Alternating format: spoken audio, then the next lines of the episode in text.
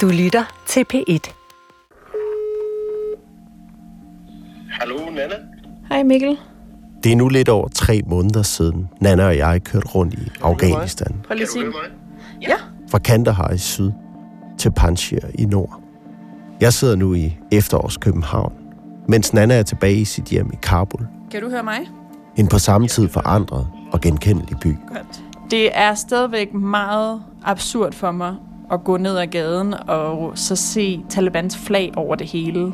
Se Taliban folk, der du ved, kører gennem gaden eller kommer gående selvsikkert ned igennem gaden. Jeg føler, at det er som om, jeg har du ved, taget en skål, gravet hele vejen igennem jorden, kommet ud på den anden side, hvor alting er omvendt. Altså, Taliban er ved magten, We're getting new developments from Afghanistan where the situation is changing there minute by minute. Du lytter til De Efterladte, 6. og sidste The afsnit. Taliban have surrounded Kabul, the capital city. Den 15. august 2021 tog Taliban til alles overraskelse kontrol over Kabul I did not, nor did anyone else, see a collapse of an army that size in 11 days. og satte dermed punktum for den 20 år lange krig. The Taliban is in control of Afghanistan. The country's president has fled. Vestens mange befæstede ambassader i Kabul blev i al hast rømme. Og imens et tragisk kaos udspillede sig på jorden, fløj evakueringsfly i pendulfart hen over hovederne på den afghanske befolkning. 30. august lettede det sidste amerikanske fly fra asfalten i Kabul. Og Taliban fejrede det med lynende skudsalver i aftenmørket over byen. Had promised an inclusive government, but there are no women. Taliban har nedsat en members of the midlertidig Taliban regering af and personer many fra Talibans topledelse. with a very worrisome past. Nogle af dem har stort set aldrig vist sig offentligt, He is on the FBI's most wanted list with a five Mens andre er internationalt eftersøgte terrorister. brutal acts of terrorism and ties to Al-Qaeda. krigen er slut, og kampene rundt omkring i landet er forsvundet. since security has been established, peace has come, uh, we can go to far districts in Og har igen gjort det muligt for den afghanske befolkning at køre på kryds og tværs af landet. Men fremtiden er, hvis ikke mere end før, uvis. yeah yeah we're just living we're just living i mean you know we are alive but we don't have any life Får piger lov til at gå i skole? Får kvinder lov til at arbejde? Og hvad med den økonomiske katastrofekurs? Spørgsmålene står i kø. Because every day is just stress. Every day is you know you just lose your hopes. You lose you lose everything. Til trods prøver vi alligevel i det her program at se ud i fremtiden for Afghanistan. Vi tager kontakt til nogle af dem, vi mødte på vores tur, og får deres førstehåndsberetninger om den nye virkelighed, som de og resten af Afghanistan nu befinder sig i. hello michael. How are you doing my friend Jeg hedder Mikkel Rønnow. I'm doing good. How are you doing? i'm i'm fine thank you i'm sorry for not catching your call because i i, I fell asleep Stemmen her tilhører Imran, en ung mand på 22, som vi mødte i starten af vores rejse i Kandahar i det sydlige Afghanistan. Uh, you know, just after you left, a week later, uh, the Taliban they captured uh, the closer districts to the city. Imran fortæller, at allerede ugen efter vi forlod byen, begyndte kampene mellem regeringsstyrkerne og Taliban at tage kraftigt til i styrke. Uh, at that time was very close to Mirwais Regional Hospital, almost uh, one to two kilometers away from Mirwais uh, Hospital. They were controlling that area. Vi mødte Imran på hospitalet, hvor han er lægestuderende. Talibans udmattelsesstrategi havde konstant accelereret hele foråret. Og i ugerne efter vores besøg fortæller Imran, hvordan han kunne høre, at de to distrikter helt op til byen, få kilometer fra hospitalet. So yes, uh, I was going to work for for two weeks, but then the fighting got worse. Behind Mirwais uh, Hospital, uh, there were uh, there was also fighting, and from the other side there was also fighting. Uh, the, they were using very heavy weapons. uh, when you were, when you could hear the the uh, the voices of the shootings, you would feel like it is inside the hospital because the weapons that they were using were very heavy. So yes, one day the the fighting got very worse, and then uh, we move. Uh, I, I said, okay, let's wait until the situation gets better. So I stopped going to the hospital for two weeks. Imran deler livshistorie med mange unge jævnaldrende afghanere. Unge, der er vokset op med krig, og sine forældres fortællinger om 90'ernes sadistiske krigsherrer, og senere Talibans mørke regime. Og så nu historien, der ser ud til at gentage sig igen. Do you remember the first time you came to Afghanistan as a little child? Han fortalte sin historie, da vi besøgte ham. Yes, I do. I do. I remember we were in Quetta, living in a Han er født i slutningen af 90'erne i Pakistan, hvor hans familie levede som flygtninge. Og da USA invaderede Afghanistan og fravestede Taliban magten, besluttede familien sig for at tage tilbage til Kandahar og starte et nyt liv i deres hjemland. Because we were back to our homeland, we were no longer refugees. We were going to have a bright future, uh, and there was hope born. Uh, there was this thing we call democracy. We thought Imran starter i koranskole i nabohuset. Og kommer i det, man vil kan kalde den lokale folkeskole, da han er 8. Uh, and then, when I finished Quran at the age of eight, I was put into school. På det her tidspunkt er der fredeligt i Kandahar-provinsen. Taliban er for længst drevet ud, og de vestlige koalitionsstyrker er i gang med genopbygning af Afghanistan. We could see American soldiers outside, and the war had stopped for a moment. And do you remember when it began to change? Men i årene omkring 2006 og 2007 husker Imran, hvordan situationen pludselig ændrer sig. Uh, when we heard a very big bomb blast, a very big bomb explosion near the uh, one of the girls' school in Kandahar. I remember the war got worse since that day. Og siden har der ikke været fred. Da vi møder Imran, er der lidt over en måned til, at Taliban indtager Kabul. Og på det her tidspunkt tror han, som mange andre, ikke på, at de kommer til at vinde krigen. I don't think they'll get into power, first of all. The, our government has become really strong nowadays. Uh, yes, they will fight, they will seize a district or two, but our government has the capacity to fight back. Afghanistan, the Taliban has taken two more major prizes. In the past day, they have seized the second and the third largest cities of the country, Kandahar and Herat. Nu, tre måneder efter, vi sad på det store mørkerøde persiske tæppe i stuen hos Imran, er virkeligheden en helt anden. Få dage før Taliban kørte ind i Kabul, tog de kontrol med Kandahar. If you remember, I told you in in our interview that Taliban they do not have the capability to capture Afghanistan. I said Yeah. no one was thinking about no one was thinking about what will happen. Uh, not even the president uh, or the Americans. No one Og Imran fortæller, hvordan det gik op for ham efter Talibans magtovertagelse. At den militante gruppe allerede længe før havde folk langt inde i byen.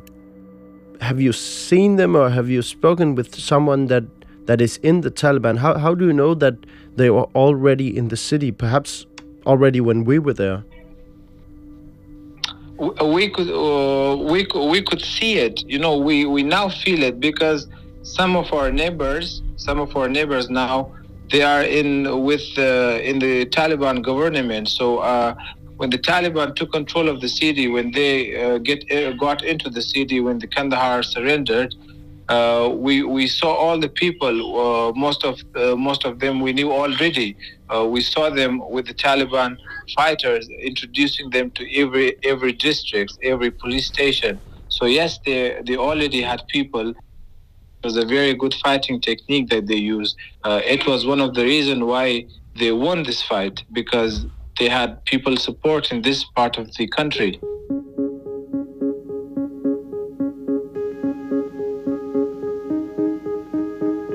Gider, gider du at lave et klap? To måneder efter vores rejse vender Nana Mus Steffensen efter en sommerferie i Danmark tilbage til et totalt forandret Afghanistan og sit hjem i Kabul, hvor hun nu sidder med sin optager tændt, og jeg er i København med min.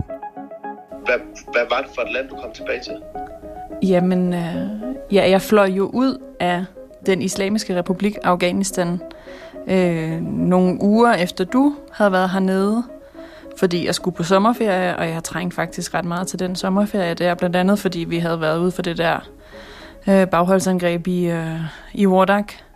Og så øh, vendte jeg jo tilbage til det islamiske emirat, som er et andet, en anden virkelighed, men også en virkelighed, der indfinder sig over tid, tror jeg. Altså, der er selvfølgelig nogle ting, der er forandret fra en dag til en anden, men det er også øh, en forandring, der kommer til at ske over længere tid.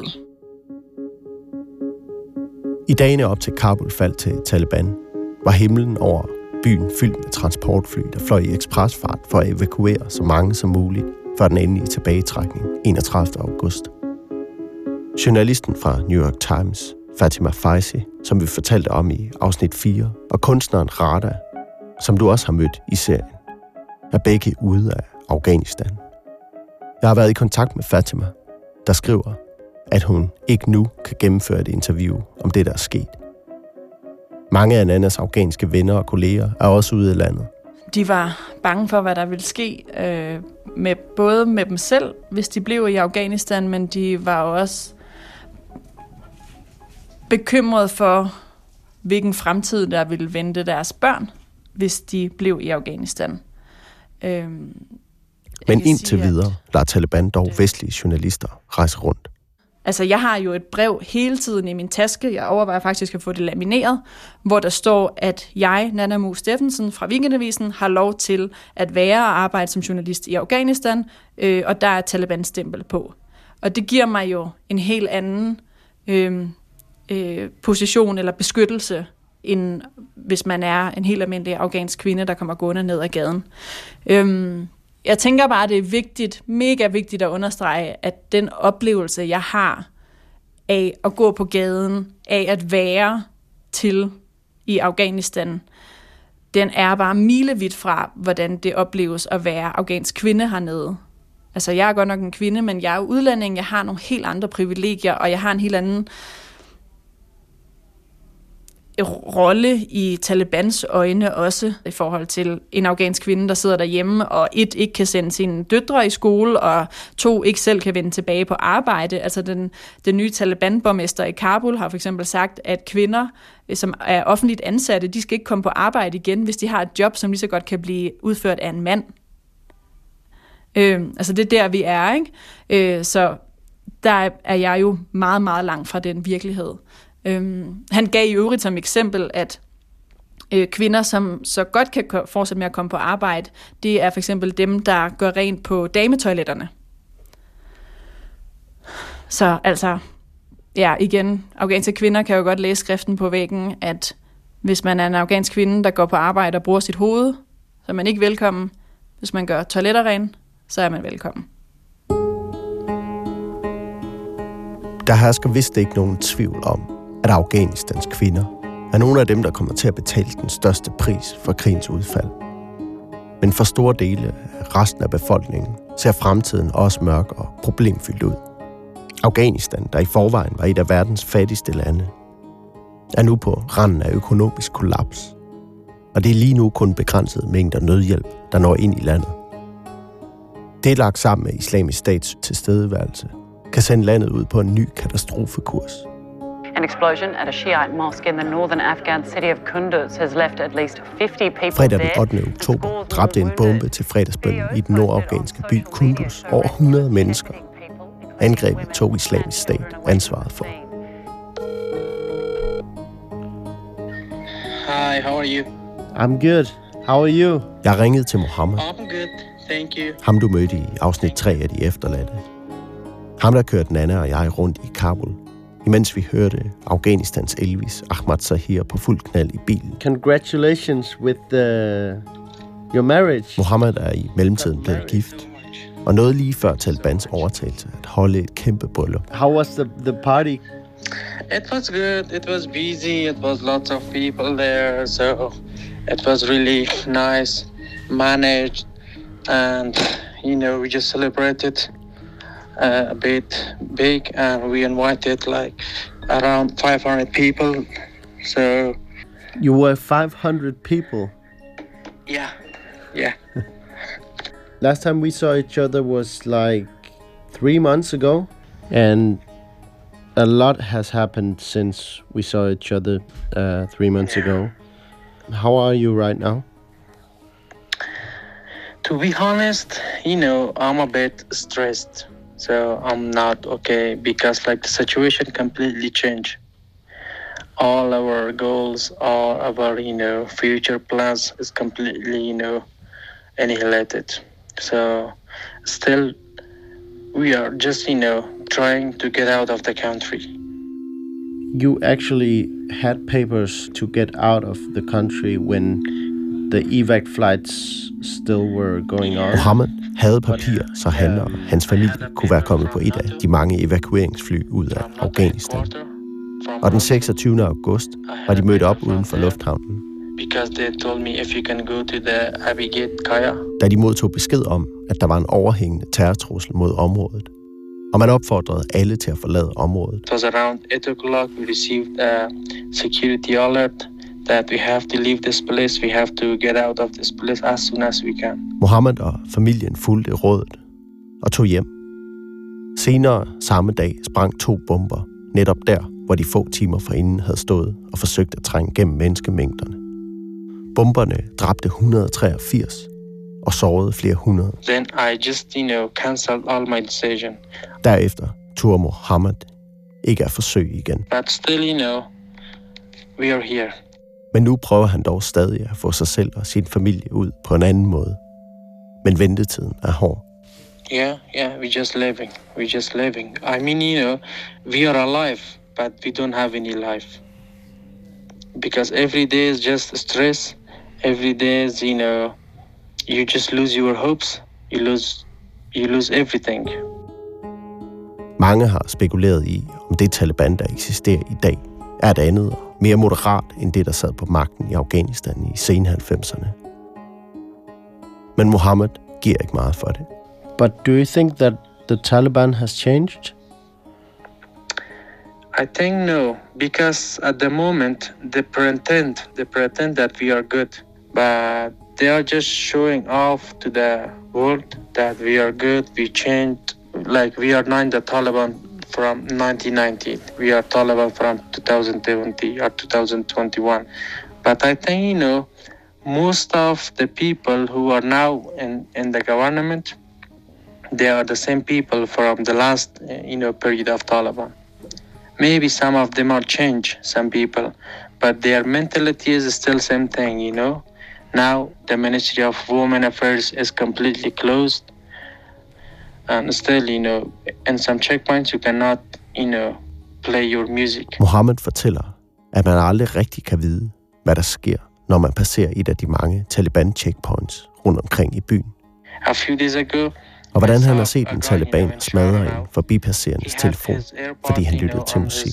and he was listening to the music and one of the taliban saw him and then he just took his airpod and he just heard when he saw you know the music then he just broke his airpod and his phone in the middle of the street you know his So you're not driving around with Ahmad Sahir like really loud in the car at the moment? no no no no no no But who's the head of the Taliban now? It's the guy Når man læser bagkataloget for den nyligt nedsatte Taliban-regering, er der heller ikke meget, der tyder på, at der skulle være noget nyt under solen. Talibans øverste leder, Habatullah Akhundzada, har været med i den militante gruppe siden 1994, da Taliban var helt nyt. He's about 60 years old and holds final authority over the Taliban's political, religious, and military affairs. Under ham sidder en række andre ministre, som stort set alle har været med siden starten, og da regimet sad på magten i landet i 90'erne. Flere af ministerne ved man ikke, hvordan ser ud, fordi de aldrig har vist sig offentligt. Sirajuddin Haqqani doubles as both deputy. Indrigsministeren, siger Jodin Haqqani, er en af dem. He's believed to be in his late 40s or early 50s. and Han har yder mere end 10 millioner dollar dusør på sig, udstedt af FBI til den, der kan lede til hans anholdelse. It's a frightening time, except for the Taliban. Det er dermed ikke uden grund, at afghanerne, der ikke støtter Taliban, ser bekymret på fremtiden. Der er i hvert fald rigtig mange kvinder, som er meget bange og bekymrede for, hvad det er for en glidende udvikling, vi kommer til at se i de kommende dage og uger og måneder, og som jo allerede er i gang. I forhold til det her med, hvordan kan man gå klædt? Øh, kan man gå klædt som kvinde, som man plejede? Er det nok at have tørklæde på, eller skal man have niqab, eller skal man have burka?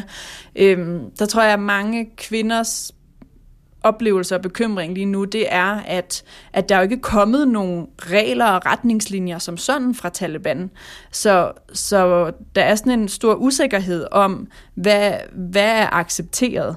Øh, og, det, og derfor så handler det om, bekymringen handler om, jamen, hvordan reagerer så den Taliban, man nu møder på gaden den her dag? Har han en eller anden holdning til, om man må gå klædt på den ene eller den anden måde?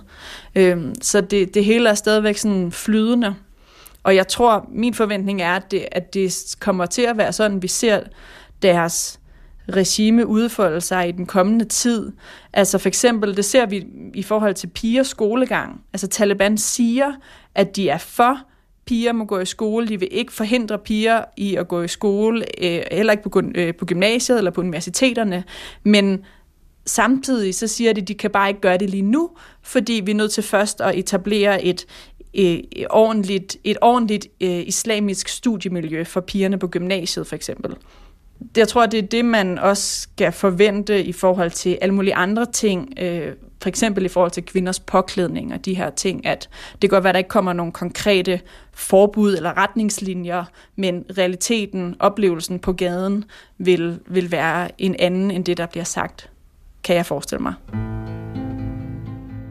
Til trods for de dystre fremtidsudsigter, fortæller Imran, at han og hans familie lige nu er lettet over, at der ikke længere er krig lige uden for deres hjem. Right now at this at this point, uh, I personally uh, or my my uh, family members they feel safe or they are relieved from the because you know uh, the fighting lasted for one and a half months when they surrounded the city uh, you wouldn't know what would happen to you uh, tomorrow in an area where fighting is happening every day so people are very relieved.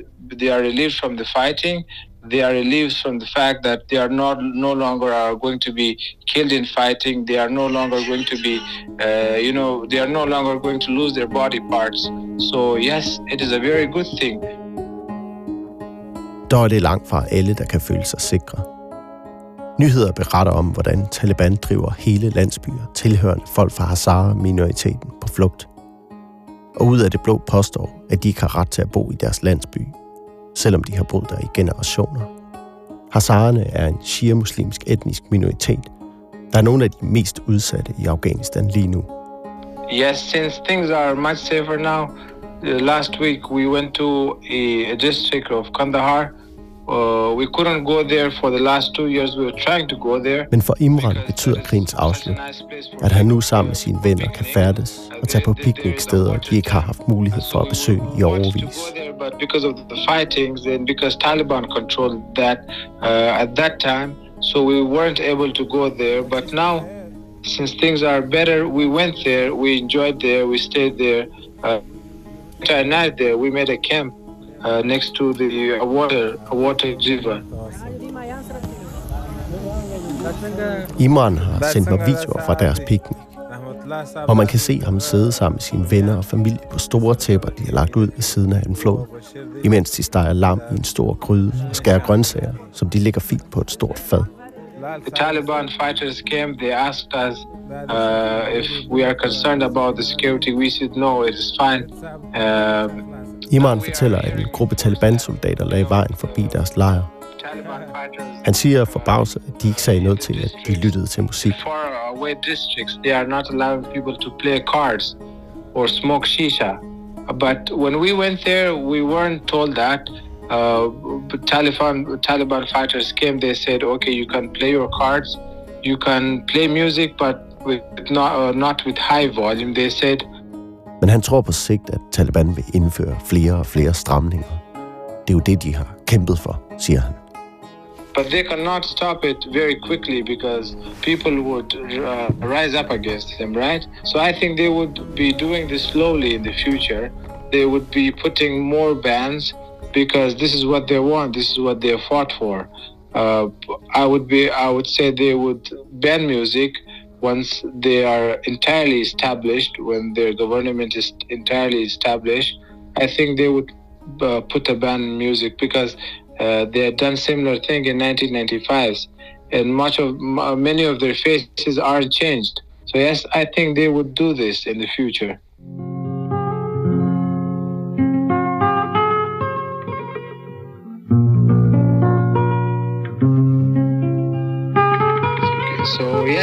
Good day, Michael. You too. It was good to talk to you. Good to talk to you.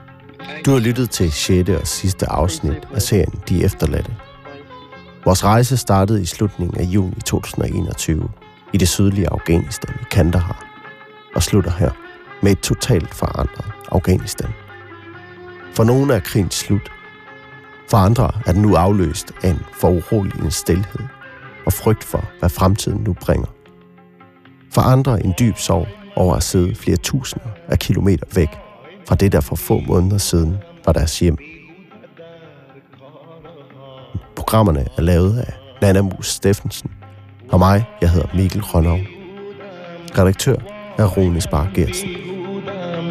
بیهوده در کارها در کارها آه من افتادم آه من افتادم افتادد چون بیمارها بیمارها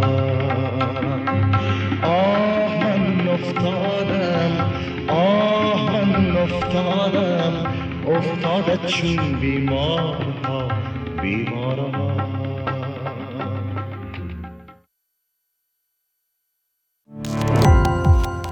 Gå på opdagelse i alle DR's podcast og radioprogrammer. I appen DR Lyd.